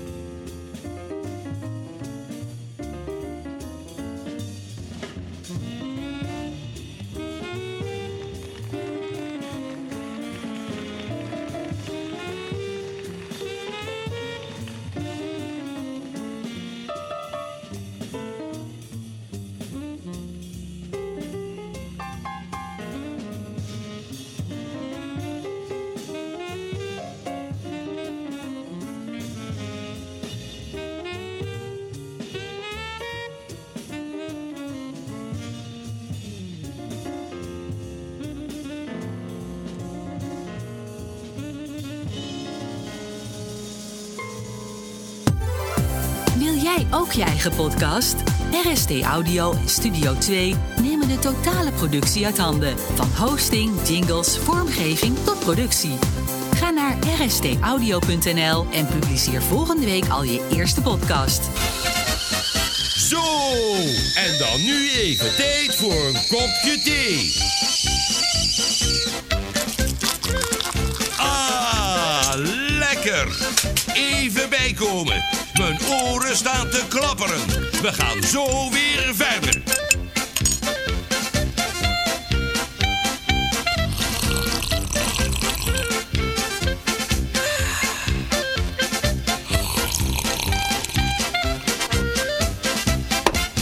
Oké,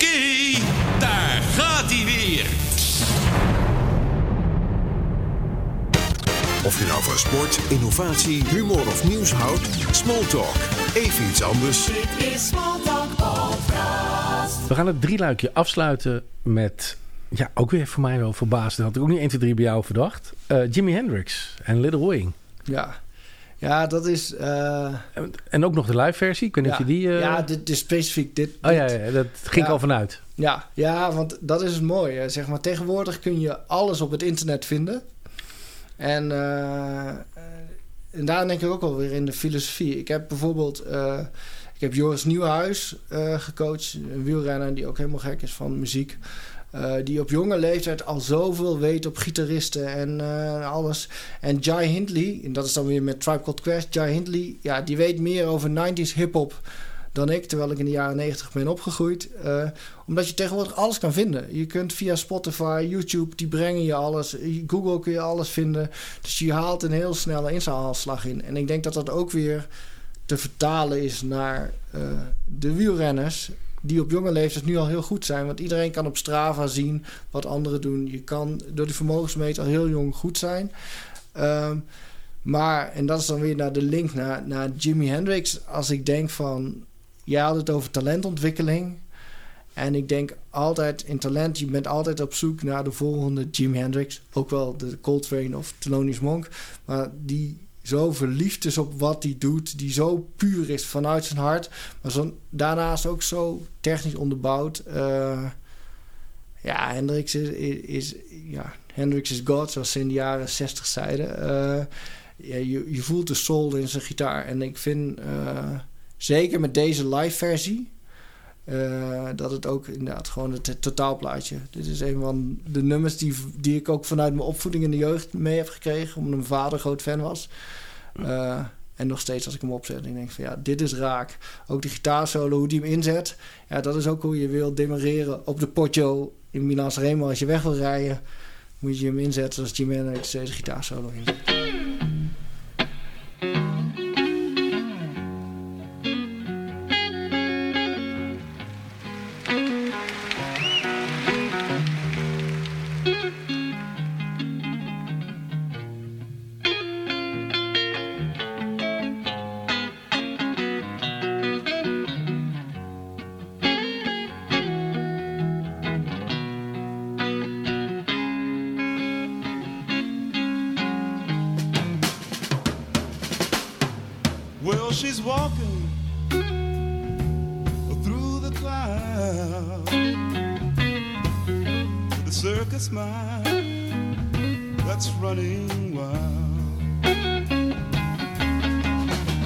Butterflies and zebras, a moonbeam,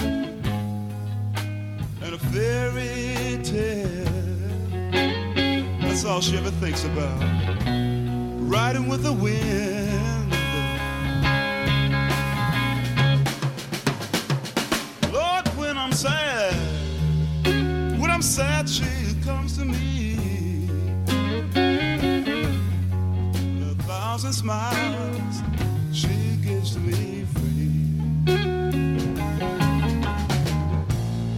It's alright, it's alright, she says it's alright. Take anything you want from me.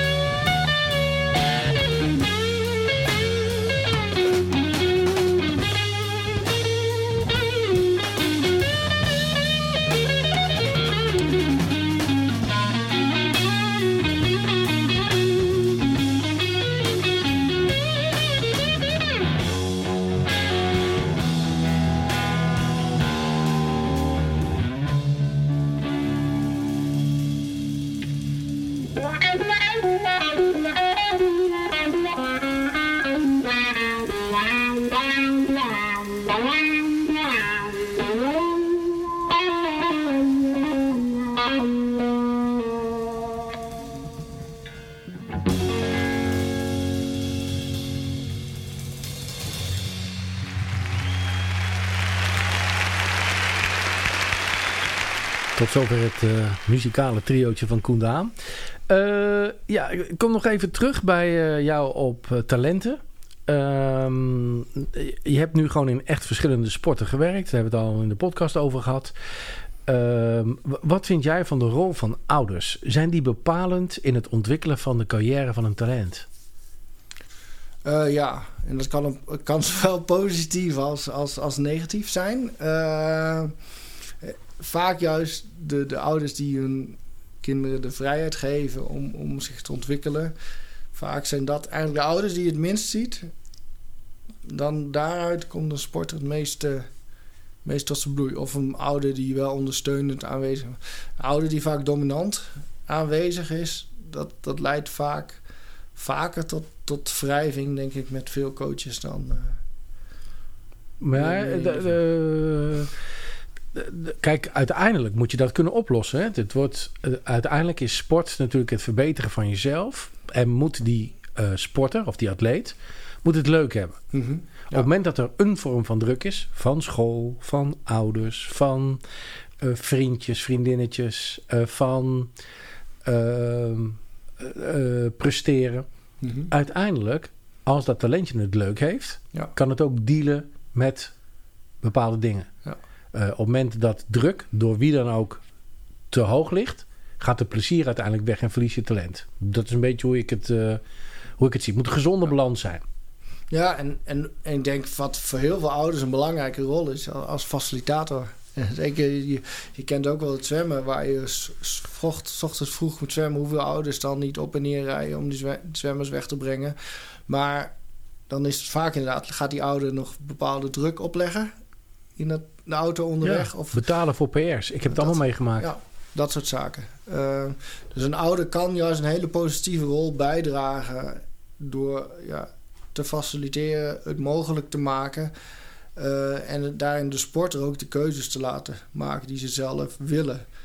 Misschien vinden ze uiteindelijk, kiezen ze wel voor iets anders. Uh, maar leren ze wel weer heel veel wat ze in het verleden met de, met de sport hebben bereikt. Dus, uh, en dat heb ik ook wel bij de Olympische Spelen gezien. Dat heb ik ook bij veel mensen ook wel gehoord die überhaupt Olympische Spelen hebben gedaan. Je moet altijd oppassen dat je je doel niet groter maakt dan je jezelf.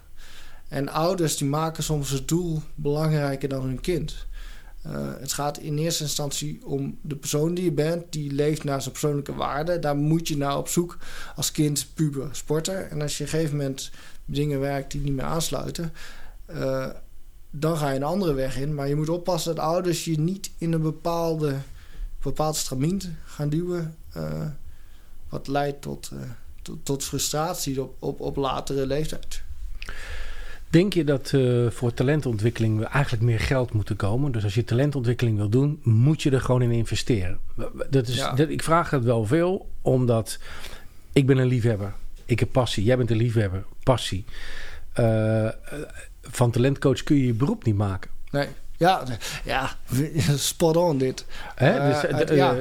terwijl ik denk, hoe vaak zie je niet dat mensen aan het werk gaan met talenten, maar ja, hun kinderen stoppen. Vaak zijn, ik ben ook begonnen omdat mijn kinderen gingen zwemmen. Ik ben doorgegaan, zij zijn al lang gestopt. Ehm, toch is het zo, talentcoach in Nederland is geen vak. Nee. Het, is geen, het is wel een beroep, het zou een beroep moeten zijn. Maar dat is het niet. Nee. Uh, zie jij dat in al die sporten waar jij hebt gewerkt, uh, nou ja, hè, onze gezamenlijke passie bij de, of onze gezamenlijke job bij de Triathlonbond, was natuurlijk ook een onkostenvergoeding ja. of uh, voor je kilometers en je, en je, dingen. Je moest er nog heel veel voor doen ook. dus je moet wel passie hebben voor iets. Ja, precies. Maar dat, dat is wat ik eerder ook al aanhaalde. Het is factor John Heijsteeg. Mensen kennen John Heijsteeg ja. niet. Maar John Heijsteeg is wel de man die gewoon overdag zijn baan heeft. En daarnaast volle passie voor zijn groep staat. Zijn vereniging, voor de jeugd. Alles ervoor doet. En dat zijn wat talentcoaches her en der in het land ook doen. Uh, maar het is wel heel moeilijk om dat te combineren voor iedereen. En dat is wat jij ook zegt. Kijk, een belangrijke coachingfilosofie van mij is altijd long term over short term. Um, en dat long term is talentontwikkeling. Investeer in de jeugd. Investeer in jonge, ook getalenteerde coaches. Want daar zie ik het ook heel vaak afhaken. Als een coach inderdaad niet de kans krijgt om zich te ontwikkelen, gaat een coach uh, iets anders doen en komt later weer terug. Kijk, of niet. Of niet. Uh, En wij zijn die gekken die, eh, die wel volledig ervoor gaan. En uiteindelijk heeft dat ertoe geleid dat ik nu fulltime in die sport werk. Maar je moet als beginnend coach niet verwachten dat je daar direct je boterham mee kan gaan verdienen. Of eh, ja, je, je moet je ook ontwikkelen als jonge coach. Talenten moeten zich ontwikkelen. Een talentcoach, dat is een perfecte plek voor uh, coaches. Of zeg maar getalenteerde coaches om met getalenteerde sporters te werken. Maar op een gegeven moment kom je op een leeftijd dat, dat financiën toch echt wel essentieel Nou, zijn. ik heb nog een andere mening. En dat is dat ik vind dat je ziet veel jonge coaches die van de ALO afkomen of net bewegingswetenschap hebben gedaan, ergens langs de kant komen te staan. eh, of in een gymzaal of waar, dan ook. Uiteindelijk coach worden. eh, of deels. Ehm, maar ze werken uiteindelijk met kinderen of met jeugd. En ik vind ook als je bijvoorbeeld bij eh, Piet, die in de tijd bij de, de Dolfijn zat. ehm, en- zo nog wel een paar namen. De- de- uiteindelijk waren het goede talentcoaches, want ze waren zelf vader. Dus ze konden zich verplaatsen in wat er gebeurt met een kind wat 's ochtends vroeg de, eh, het zwembad in moet. Mhm. Wat eh, s ochtends eh, daarna gewoon naar school moet. Eh, voor het eerst naar de middelbare school. Dus alles verandert. En een jongen van eh 22, 23, 25 die van de universiteit afkomt, die, die weet wel hoe, hoe topsport moet leven. Maar talentontwikkeling is nog wel even een ander dingetje. Dus zeker voor eh, veel talentcoaches, die heb ik zien stranden, omdat ze het gewoon niet rond. Die, het is gewoon niet te doen. Ja, precies. En ik denk het inderdaad ook andersom. Dat je het ook ziet. Dat sommige coaches zijn eigenlijk veel beter als talentcoach. Die zijn veel beter in het, het, het, het coachen en het begeleiden van jongere sporters. Maar ja, er is geen fulltime aanstelling daarvoor mogelijk. En uiteindelijk stromen ze door. Of ze zijn heel goed in talentcoaching en ze stromen door eh, naar de senioren. Maar zijn er eigenlijk minder goed in. Maar ja, daar verdienen ze wel een boterham mee. En dan is er vaak ook geen stap terug. En ook in waardering is er te weinig soms waardering voor de talentcoaches. Terwijl elke sporter weet van oké, die coach, daar heb Ah, ik bij die eh, kwam Arno Ja. Kamminga vandaan. Ja. Ik roep het wel eens tegen iemand. ja, van ja, waar heb je de meeste stappen? Krijg je Waar van de pluim. Ja, dat weet niemand. Maar Weet die heeft er jaren ingestopt. Ja, van waar, wat zijn, waar heb je je basics geleerd? Waar heb je je echt ontdekt als sporter? Dat daar Ja. je kracht ligt. En uiteindelijk die topsportcoaches, die doen de tuning in de top. Eh, maar die andere coaches zijn zo belangrijk. Want die hebben ook het enthousiasme gehouden dat, die, dat je binnen die sport blijft. Ja. En, en, en dat is een hele lastiger inderdaad in Nederland. Van, eh, De- Denk je dat eh, in Nederland... Ik ben, ik ben niet fan meteen van het Amerikaanse systeem. Maar de combinatie school en sport... ja, Ik, het, in Nederland gaan we ook met een beetje gevaarkant komen. Hè? Er steeds meer e-sports. Mensen komen niet meer uit de stoel. Eh, de jeugd beweegt hè, over het algemeen minder. Volgens mij zijn de verenigingen ook wel achteruit gelopen qua ledenaantallen. Eh, denk je dat, er, eh, dat de overheid meer zou moeten gaan doen om sport weer te combineren? Ik, ik heb me groen en geel geërgerd aan het feit dat eh, schoolzwemmen bijna niet meer bestaat. Nee, nee ja, ik denk dat dat die combi is van de actieve leefstijl. leidt tot betere prestaties. Niet alleen op het sportveld, maar ik denk in, de, in het geheel. En dat is natuurlijk waar we ook in de COVID-periode ook wel mee bezig zijn geweest. eh, met heel veel stilzitten. En dat is niet het, eh, nou, niet het beste voor je. Een mens moet daarin bewegen. Eh, dat is al de eerste stap. Daarnaast heb je natuurlijk eigenlijk al een hele onderwijsstructuur liggen met allemaal leeftijdscategorieën. Waar je, als je dat koppelt aan, aan, aan sporten en coaches. En ik heb het zelf natuurlijk in het zwemmen gedaan in, met de studenten. Als er geen studentencoaching was geweest en ik daar geen aanstelling had gehad, die zegt dat ik nu nog, nog coach was geweest. Omdat ik daar wel eh, inderdaad ook mijn stappen heb kunnen. Ik heb me kunnen ontwikkelen als coach. Maar het was ook gewoon een goed betaalde bij- bijbaan als student. En dat heb ik dankzij de combinatie met onderwijs te maken. Dus dat zit hem ook weer richting dat Amerikaanse systeem. En misschien zullen we daar toch wel weer meer naartoe moeten. Nou, we gaan het zien. Eh, wat, heb je, wat heb je nodig om talent te ontwikkelen, denk je? Als je nu even kijkt bij jou in de, de sport, waar, waar je nu actief bent, het roeien. W- Wat zou je nodig hebben om, het, om talentontwikkeling in het roeien echt weer goed neer te zetten? Ehm, ja, dus daar zijn we momenteel ook wel weer mee bezig. Ja? Omdat we juist wel een coach hebben aangesteld die de ervaring heeft, die nu 20 jaar coach is, Olympische Spelen, vier Olympische Spelen volgens mij heeft meegemaakt, overal gecoacht, overal ter wereld heeft gecoacht. En die zetten we nu in, ook in de begeleiding van die jongere coaches. Die gaat het land in en die gaat overal kijken, hey, wat, wat kunnen we hier verbeteren? Wat hebben jullie nodig? Wat, wat hebben we nodig voor talentontwikkeling? Aan de ene kant mentoring van de coaches, aan de andere kant kijken naar de faciliteiten. Is dat een fulltime aanstelling? Is er iemand Ja. die dat fulltime gaat Ja, doen? ja. Wie gaat dat doen? Dat is, eh, dat is Diederik, Diederik de Boorder.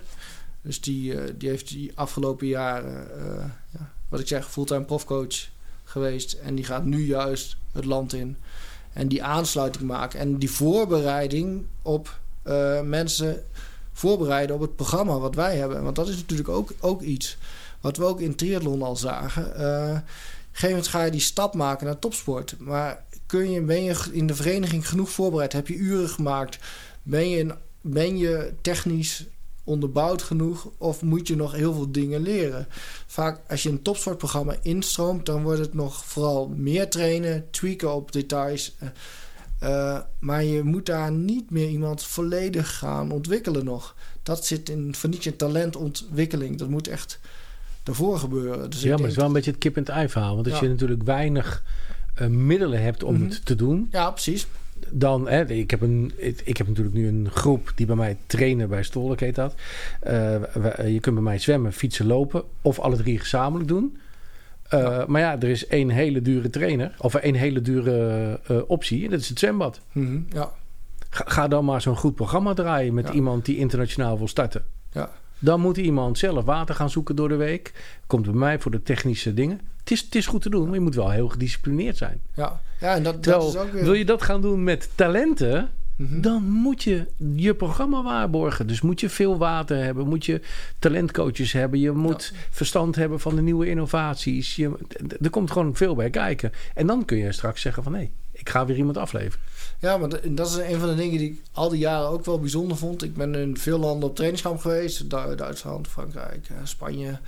En bijna overal in het buitenland kun je heel makkelijk één baan huren. Uh, huur je een baan voor een tientje per uur. En dan ga je trainen met je groep.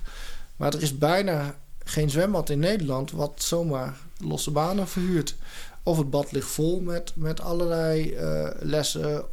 Of, of er is gewoon geen, geen verhuur mogelijk. Of... eh, dus het is soms ook heel moeilijk inderdaad om dat badwater überhaupt te krijgen. En als je het krijgt, is, is het wel betaalbaar. Als we de klok een beetje vooruit schuiven. En dan, eh, nou laten we het eens even vijf jaar doen, doe ik meestal. Waar eh, vinden we Koen aan dan? Ja, dat zou ik zelf nog niet weten, eerlijk Nee, gezegd. ja, maar dan vraag ik het Ja. ook.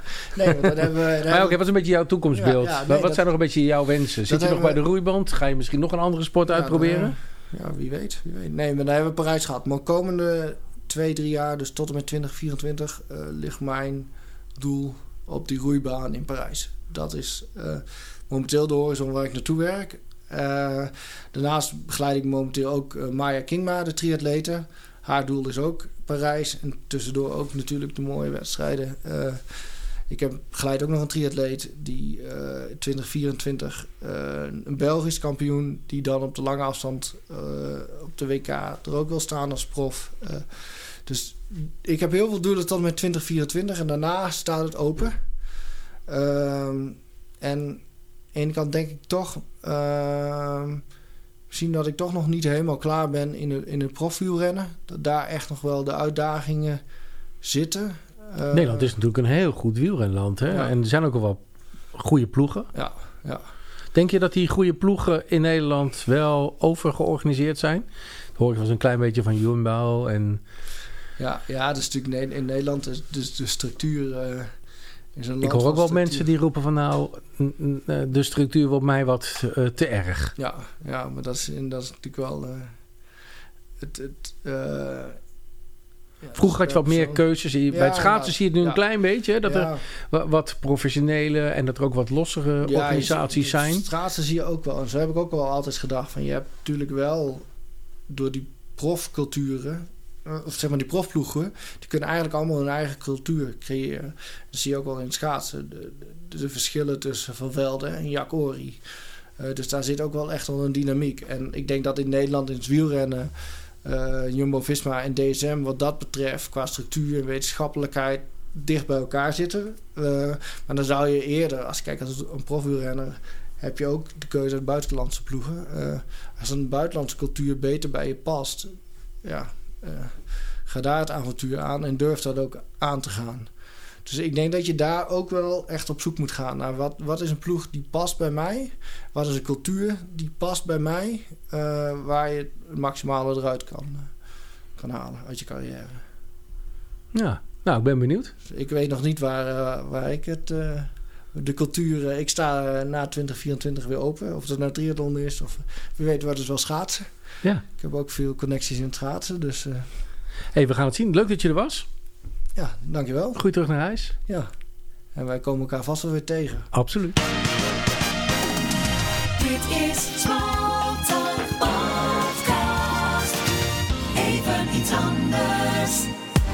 Tot zover deze editie van Smalltalk. Wil je een andere editie luisteren? Ga naar smalltalkthepodcast.nl of je eigen podcast-app. Heb jij een vraag voor Smalltalk? Mail naar podcast@smalltalkradio.nl. Geen geklets, maar gesprek. Proef de sfeer, telkens weer. Smalltalk.